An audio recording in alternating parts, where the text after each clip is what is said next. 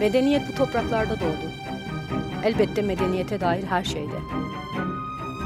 Casuslar ve casusluk gibi.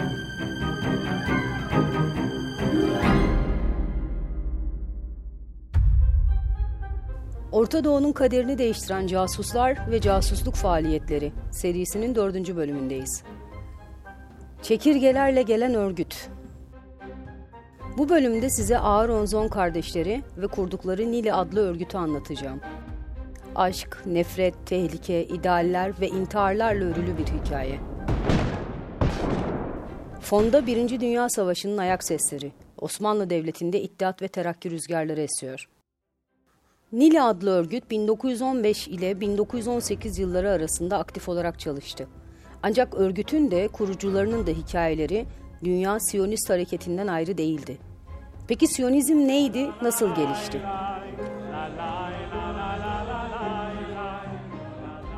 Milyonlarca Hristiyan Hazreti İsa'nın Kudüs'teki Yahudilerin baskısıyla öldürüldüğüne inanıyordu.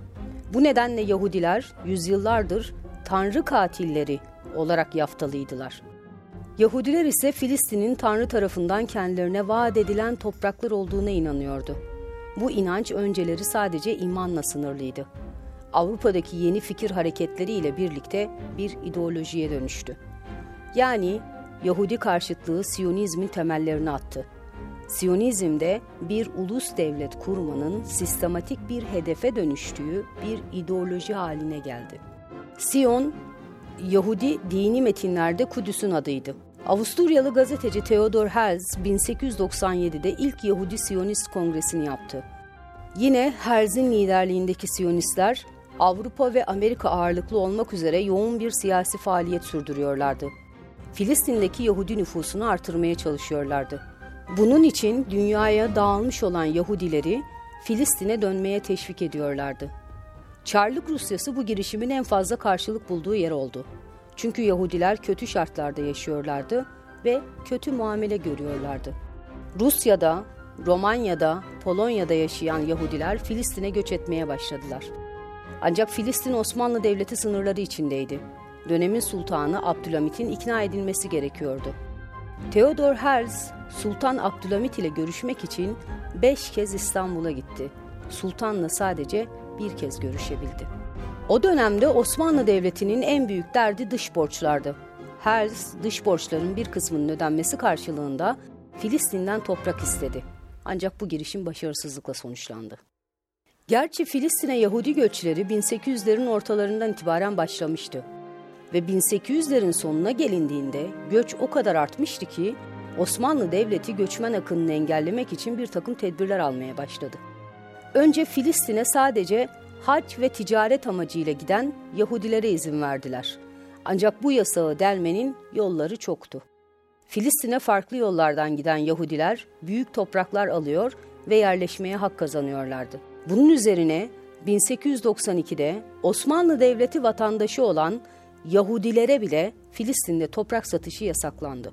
Ancak elbette bunu da aşmanın yolları bulunmuştu. Nihayetinde 1900 yılı itibariyle yasaklar esnemeye başladı. Artık Osmanlı vatandaşı olmayan Yahudilerin Filistin'de 3 ay kalmalarına izin veriliyordu. Bu yasaklar ve tedbirler ne göçü durdurdu ne de toprak satışlarını. Osmanlı vatandaşı Filistinli Yahudiler büyük topraklar alıyorlardı ve dünyadan Rothschild ailesi gibi zenginler de göçmen Yahudiler için köyler kurulması için destek veriyordu. Aaronzon ailesi de Romanya'dan göçen Yahudiler arasındaydı. Ailenin dört çocuğu vardı. Ancak üçü Nili adlı örgütü kurup aktif olarak örgütte çalıştı. Aaron Aaronzon Cemal Paşa'nın emriyle kurulan tarım merkezinin başındaydı. Alexander Aaronzon örgütün İngilizler tarafından desteklenmesini sağlayan isimdi. Ayrıca Filistin'deki Yahudilerin özellikle İngiltere ve Amerika'daki propaganda faaliyetlerini de üstlenmişti. Sera ise Osmanlı zabitleriyle yakın ilişkiler kurup çok kritik bilgiler edinen saha ajanı olarak öne çıkıyordu. Peki Nili ne demekti? İddiaya göre Aaronzon kardeşler İngilizlerle temas kurdu. Sorumlu İngiliz subay bir parola gerektiğini söyledi. Aaron Aaronzon yanındaki Tevrat'tan rastgele bir cümle seçti. Cümlenin İbranicesi Nezah İsrail Lo Yes Haker idi.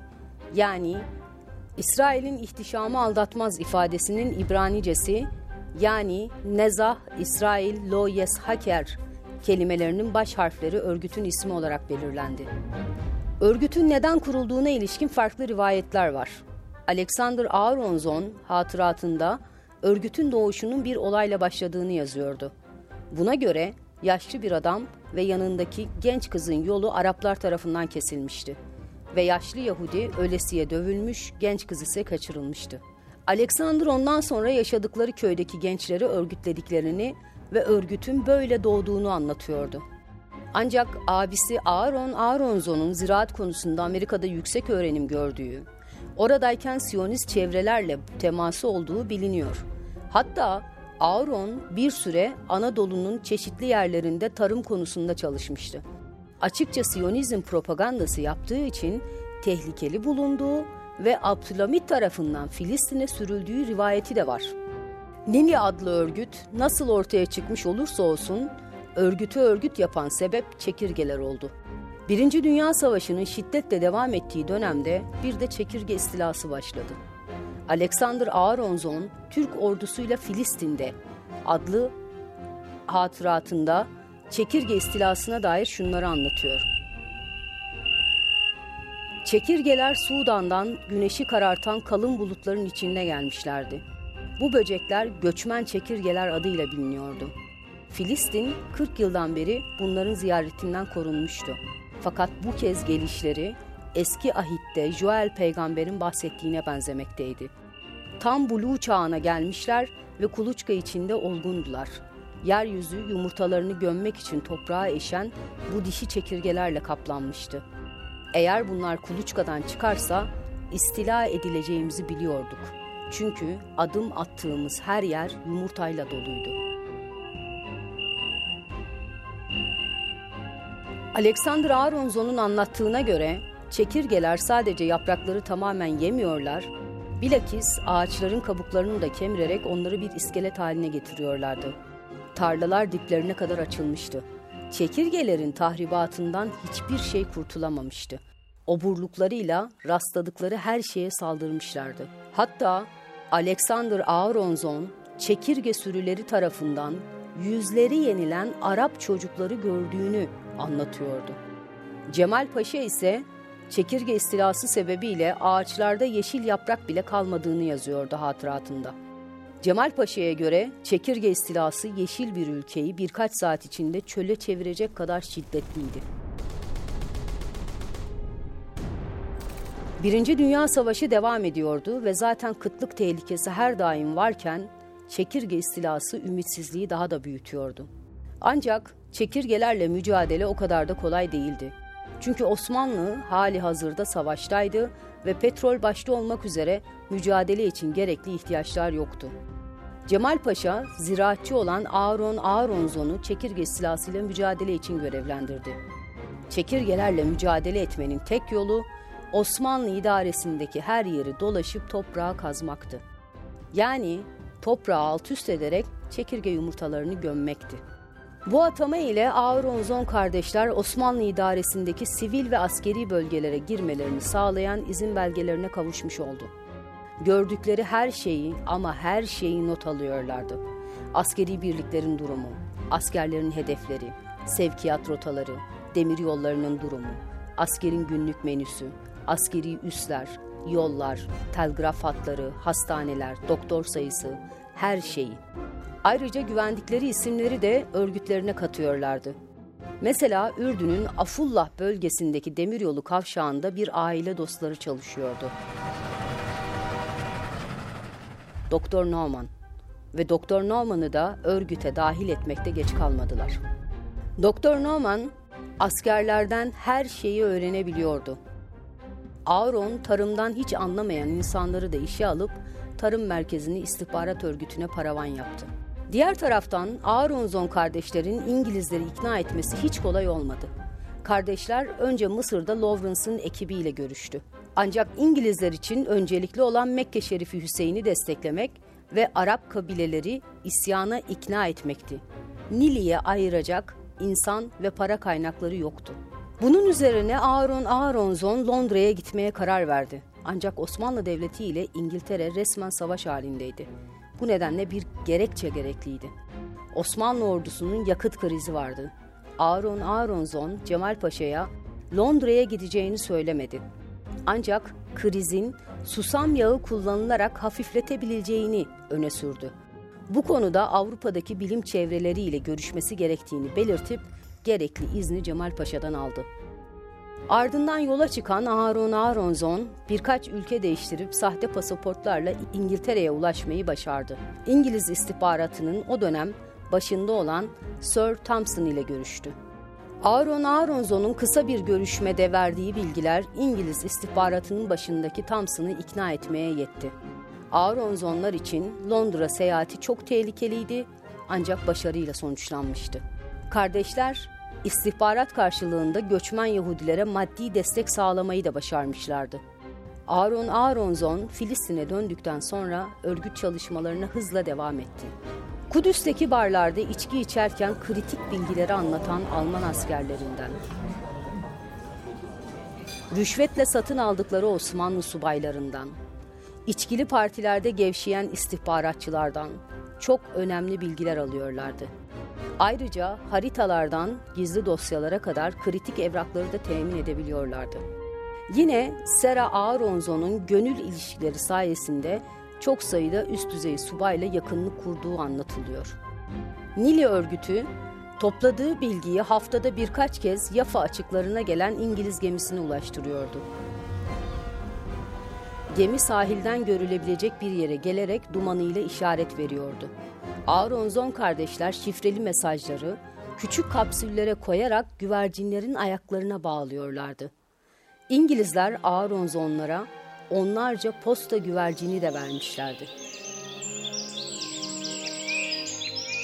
Böylece haftalar alacak istihbarat akışı bir gün içinde yapılabiliyordu. Hatta iş öyle bir noktaya geldi ki Osmanlı ordusu bir yere top bataryalarını tam olarak yerleştiremeden İngiliz uçakları tarafından vuruluyordu. Artık ordu içinde casusluk şebekelerinin olduğu çok açıktı. Peki örgüt nasıl ortaya çıkarıldı? Buna dair iki tane rivayet var. İlk rivayetin kaynağı bir Lübnan gazetesinde yayınlanan casusluk faaliyetleri tefrikası. Tefrika isimsiz yayınlanmıştı ancak büyük ihtimalle İttihat ve Terakki dönemi Polis Genel Müdürü Hüseyin Aziz Bey tarafından yazıldığı öne sürülüyordu. Örgütün nasıl ortaya çıkarıldığına dair bu tefrikada yer alan ilk rivayete göre Hüseyin Aziz Bey Nasıra Mıntıka Kumandanı Yunus Haydar Bey'e bir, telgraf gönderdi. Telgrafta şöyle bir uyarıda bulunuyordu. İngiliz donanmasındaki zırhlılardan biri her gün aynı saatte bölgenin sahillerine yanaşıyor. Bu şüpheli hareket sadece bölgeyi kontrol için olmamalı. İstanbul'dan olayın araştırılması için Şerif, Sami, Arif ve Ahmet adlı polisler görevlendirilmişti.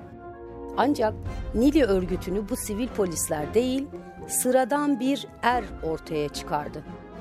İbrahim adlı bir er sahile yakın bir yerden geçerken bir adamın ard arda kibrit yaktığını gördü. Aynı zamanda sahile yaklaşmakta olan bir gemi de Er İbrahim'in dikkatini çekti. İbrahim adamın kafasına silahının dipçiğiyle vurup adamı bayılttı. Ardından sürükleyerek karakola götürdü. Yakalanan kişi Nili örgütünden Jakob Abraham Habon'du. Habon, sorgu için götürüldüğü Şam'da örgütün en önemli isimlerinden Naman Belkind ve Joseph Tabon'un yakalanmasını sağladı. Dönemin polis genel müdürü Hüseyin Aziz Bey yıllar sonra sitemle şunları yazmıştı. Casuslara karşı mücadeleyi savaşın başında yapabilmiş olsaydım çok farklı olurdu. Ancak kumandanlık izin vermedi. Hüseyin Aziz Bey tarafından kaleme alındığı söylenen tefrikaya göre Naman Belkind ve Joseph Tobin'i konuşturmak için bilimsel yöntemlere başvurmaya karar verdiler. Bunun için Beyrut Tıp Fakültesinden Abdi Bey Şam'a çağrıldı. Tutukluları hipnotize etmesi istendi. Yöntem kısmen başarıya ulaştı ve örgütün çökertilmesini sağlayacak isimlere ve bilgilere böylece ulaşıldı. Örgütün ortaya çıkarılmasına ilişkin ikinci rivayete göre ise Auronzon kardeşler posta güvercinlerinin ihanetine uğradı. Sera Auronzon'un İngiliz gemisiyle iletişim kurmak için kullandığı güvercinlerden biri olabilecek en yanlış yere gitti. Güvercin, bölgenin polis müdürünün beslediği güvercinler arasına karıştı. Polis müdürü güvercinin ayağındaki kapsülü fark etti. Kapsül içindeki not şifreliydi. Filistin'de ve Şam'da çözülemeyince İstanbul'a gönderildi. Sera Aronzon güvercinin kayıp olduğunu fark ettikten sonra birkaçı hariç bütün güvercinleri öldürdü. Örgütü ele verebilecek bütün belgeleri ya yaktı ya da gömdü. Ancak bu da pek işe yaramadı. Alexander Aronzon, Türk ordusuyla Filistin'de adıyla yayınladığı hatıratta yer alan dönemin Osmanlı Devleti'ne ve ordusuna dair gözlemleri oldukça çarpıcı. İngilizler tarafından 6-7 dile çevrilip dağıtılan bu hatırat Alexander Aronzon'un askerliğe çağrılmasıyla başlıyor. Savaş öncesi dönemdeki hayatına, ailesinin durumuna ilişkin bilgi yer almıyor. Osmanlı Devleti'nde Tanzimat Fermanı ve meşrutiyetin ilanı ile azınlıkların hakları genişletilmişti. Ancak aynı zamanda onlara da zorunlu askerlik gelmişti. Birinci Dünya Savaşı başlayınca Filistin'deki 19 ile 45 yaş arasındaki her dinden erkek de orduya çağrıldı. Alexander Aronzon askere gitmemek için Amerikalılarla olan bağlantılarını kullanmaya çalıştı. Hatta Filistin açıklarındaki Amerikan askeri gemisine binmeyi de başardı. Ancak kaptan Osmanlı Devleti ile Amerika ilişkileri bozulabilir gerekçesiyle Aronzon'u gemiye almayı reddetti. Bunun üzerine Alexander Aronzon 20 arkadaşıyla birlikte Osmanlı ordusuna başvurdu ve askere alındı. Alexander Aronzon hatıratında ordudaki ilk gününü şöyle anlatıyor. Bizim gruptan takriben 300 kişi seçilerek Kuzey Celile'nin bir tepesinden Taberiye Gölü'ne yakın olan Safe'de yürüyüş için hazırlık yapılması emredilmişti. Bu, sıcak altında, toz içinde ve vücut ağrılarıyla dört gün süren bir yürüyüştü.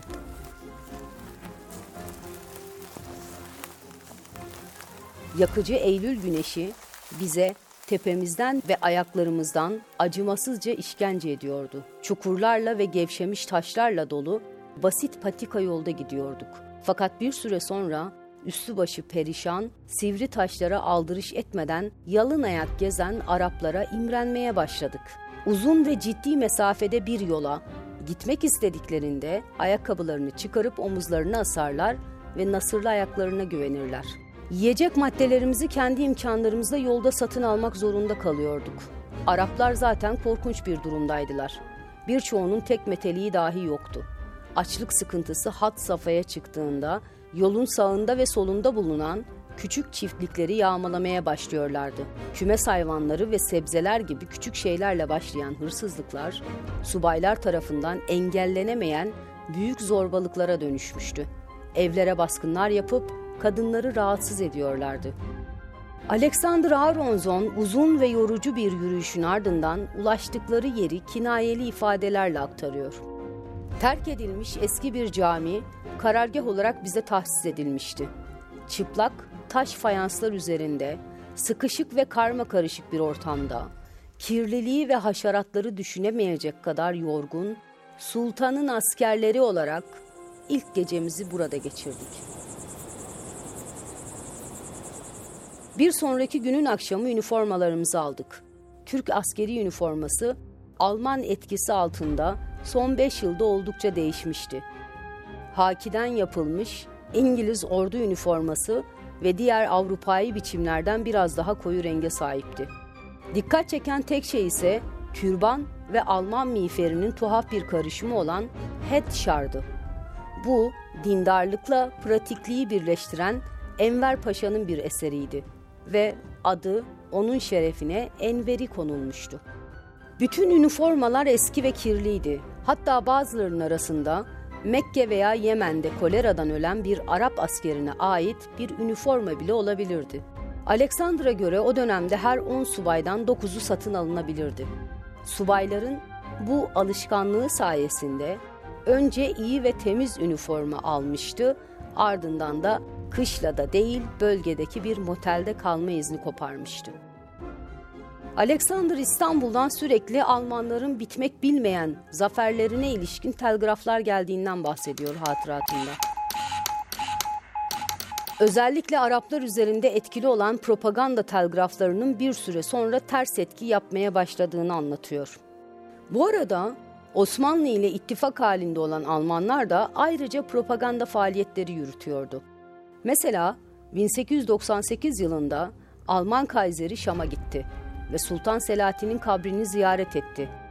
Kaiser'in 300 milyon Müslümana onların dostu olduğumu söyle sözü oldukça meşhurdur. Alexander'a göre Almanlar bu politikaları sayesinde birçok kazanım elde etti. Alexander hatıratında bu konuya dair şunları aktarıyor. Bağdat Demiryolu ihalesini Almanlara getiren ve onları Fırat ile Dicle Vadisi'nin efendisi yapan planın bir parçasını teşkil etmişti.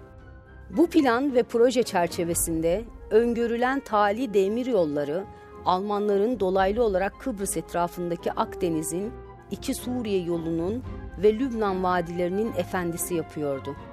Almanlar Tebriz ve Tahran'a giden Fars yollarına ve Zübeyir'deki Basra Körfezi şube hattına da hükmediyorlardı. Bu demir yolları İran'ın kontrolünü Almanların eline teslim ediyordu. Buradan Hindistan'a ulaşım kolaylaşıyor ve Suriye üzerinden Süveyş kanalına ve Mısır'a ulaşılıyordu. Ancak Alexander'a göre Almanlar Filistin'e Alman göçünü de teşvik ediyorlardı. İttihat ve Terakki'nin alameti farikalarından biri de Almanya ile birlikte cihat propagandasıydı. Bununla ilgili Alexander'ın verdiği örnekler oldukça çarpıcı. Bütün camilerde ibadetler Allah'ın rahmetinin Sultan ve Hacı Wilhelm üzerine olması çağrısıyla bitiyordu. Burada dikkat çekici olan şey hacı tabiri sadece Mekke'ye hac seyahatini yapan ve Kabe'deki kutsal taşı öpen Müslümanlar için kullanılmasıdır. Kutsal mekanlara giren her Hristiyan hemen öldürülür. Fakat protestanların lideri 2. Wilhelm, Hacı Wilhelm olarak adlandırılıyordu.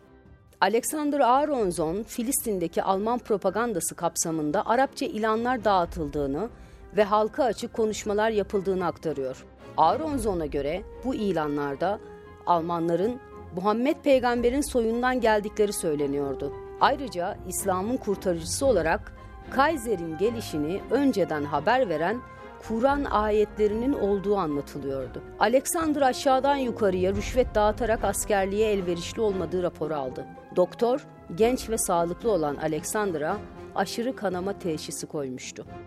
Ancak Alexander ordudan ayrılsa da ordu içindeki kendi köyünden arkadaşlarından hatta Nili örgütü casuslarından ayrıntılı bilgi almaya devam etti. Bu arada Osmanlı ordusunun en büyük yenilgilerinden Süveyş kanalı harekatı başladı. Alexander hatıratında harekat dönemini şöyle anlatıyor. Alman subaylar hiç şüphesiz kabiliyetsiz insanlar değillerdi. Kısa bir süre sonra öğrendiğim gibi büyük bir orduyu Mısır'a getirebilecekleri konusunda hayal kurmuyorlardı. Türkler ise daha az basiretliydiler. İngilizleri şimdi buradan atacaklarına ve zaferle Kahire'ye gireceklerine inanıyorlardı. Büyük bir şevkle Süveyş kanalına karşı seferin hazırlıklarına başlanılmıştı. Basit askerlerin bu zafer seferi hakkındaki düşünceleri gerçekten de eğlendiriciydi. Bunlardan bir tanesi kanalın büyük oranda yığılan kum torbaları vasıtasıyla doldurulacağını söylemişti. Bir tanesi ise binlerce devenin seferden önce susuz bırakılacağını ve sonra bunların salı verileceğini ifade etmişti. Yarı susuz hayvanlar sürüler halinde kanala saldıracaklar, orada boğulacaklar ve cesetleri askeri birliklerin geçmesi için köprü olacakmış. Alexander'a göre Cemal Paşa oldukça enerjikti. Fakat teferruat bilgisi ve uzak görüşlü stratejik yetenekleri eksikti. Nihayetinde Süveyş kanalı harekatı yenilgiyle sonuçlandı. Buna rağmen Alexander Aronson hatıratında Osmanlı ordusunun hakkını teslim ediyor ve şunları yazıyor. Süveyş kanalına karşı Türklerin yaptıkları harekatın başarılı olmasına çok yaklaşmalarına şaşırmamak gerek. Yanlarında çok az yedek malzeme ile 20 bin civarında Anadolu'dan gelmiş Türk askeri çölü sadece 6 günde geçmişti. Hatıratta Osmanlı ordusunun yiyecek ve su temini, hayvanların bakımı gibi konularda çok düzensiz ve tedbirsiz olduğuna defalarca değiniliyor. Alexander, Süveyş kanalı harekatında da tedbirsizliğin yaşandığını söylüyor. Mesela Osmanlı ordusu çölü geçerken yanında iki ağır top götürüyor. Ancak topları çeken hayvanlar açlıktan ölünce askerlerin çektiğini anlatıyor. Alexander'a göre İngilizler isteselerdi harekata katılan askerlerin hepsini yok edebilirdi. Ancak Mısır'ın Müslüman halkına ne kadar merhametli oldukları propagandası yapabilmek için savunmada kalmakla yetindiler. Alexander'ın hatıratına göre ard arda gelen sonu gelmez zafer telgraflarından sonra Süveyş yenilgisi orduyu özellikle de Arap taburları olumsuz etkilemişti. Hatta Cemal Paşa'nın İngilizler tarafından satın alındığı dedikodusu bile yayılmıştı. Velhasıl Nili örgütü çökertildi. Ancak örgütün çökertilmesi pek bir şeyi değiştirmedi. Nihayetinde Birinci Dünya Savaşı sona ermişti. Osmanlı ordusu ağır bir yenilgiyle Filistin dahil Orta Doğu'dan çekilmek zorunda kalmıştı. Yine de Aaronzon kardeşlerin akıbetlerini merak edenler olabilir. Sera Aaronzon'un Filistin'deki evinde yakalandıktan sonra sorgulanmak üzere Şam'a götürülürken kayalık bir yerde kendini trenden atarak intihar ettiği söyleniyor. Sera Aaronzon'a dair ikinci rivayet ise evinde tutuklandıktan sonra ağır bir işkence gördüğü ve yine sorgulanmak için Şam'a gönderilmesinin emredildiği şeklinde. Bu rivayete göre Sera kan içindeki kıyafetlerini değiştirmek için eve gitmek istedi. Yanındaki polislerle eve giden Sera başına üç el ateş ederek intihar etti. Bir insanın başına üç el ateş etmesi kulağa pek mümkün gelmiyor. Ancak Osmanlı'nın bölgeden çekilmekte olduğu günlerdi. Osmanlı'nın son günlerine dair kayıtların olmadığı ya da kaybolduğu göz önüne alınmalı. Alexander Aronson son anda bir Amerikan mülteci gemisine binmeyi başararak Avrupa'ya kaçtı. Büyük abi ve tarım merkezinin başındaki Aaron Aaronson'un ise 1919'da Versay Barış Konferansı'na gitmek üzere bindiği uçak düştü. Aaron Aaronson'un öldüğü bu kazanın şaibeli olduğuna ve İngiltere tarafından öldürülmüş olabileceğine hala inananlar var.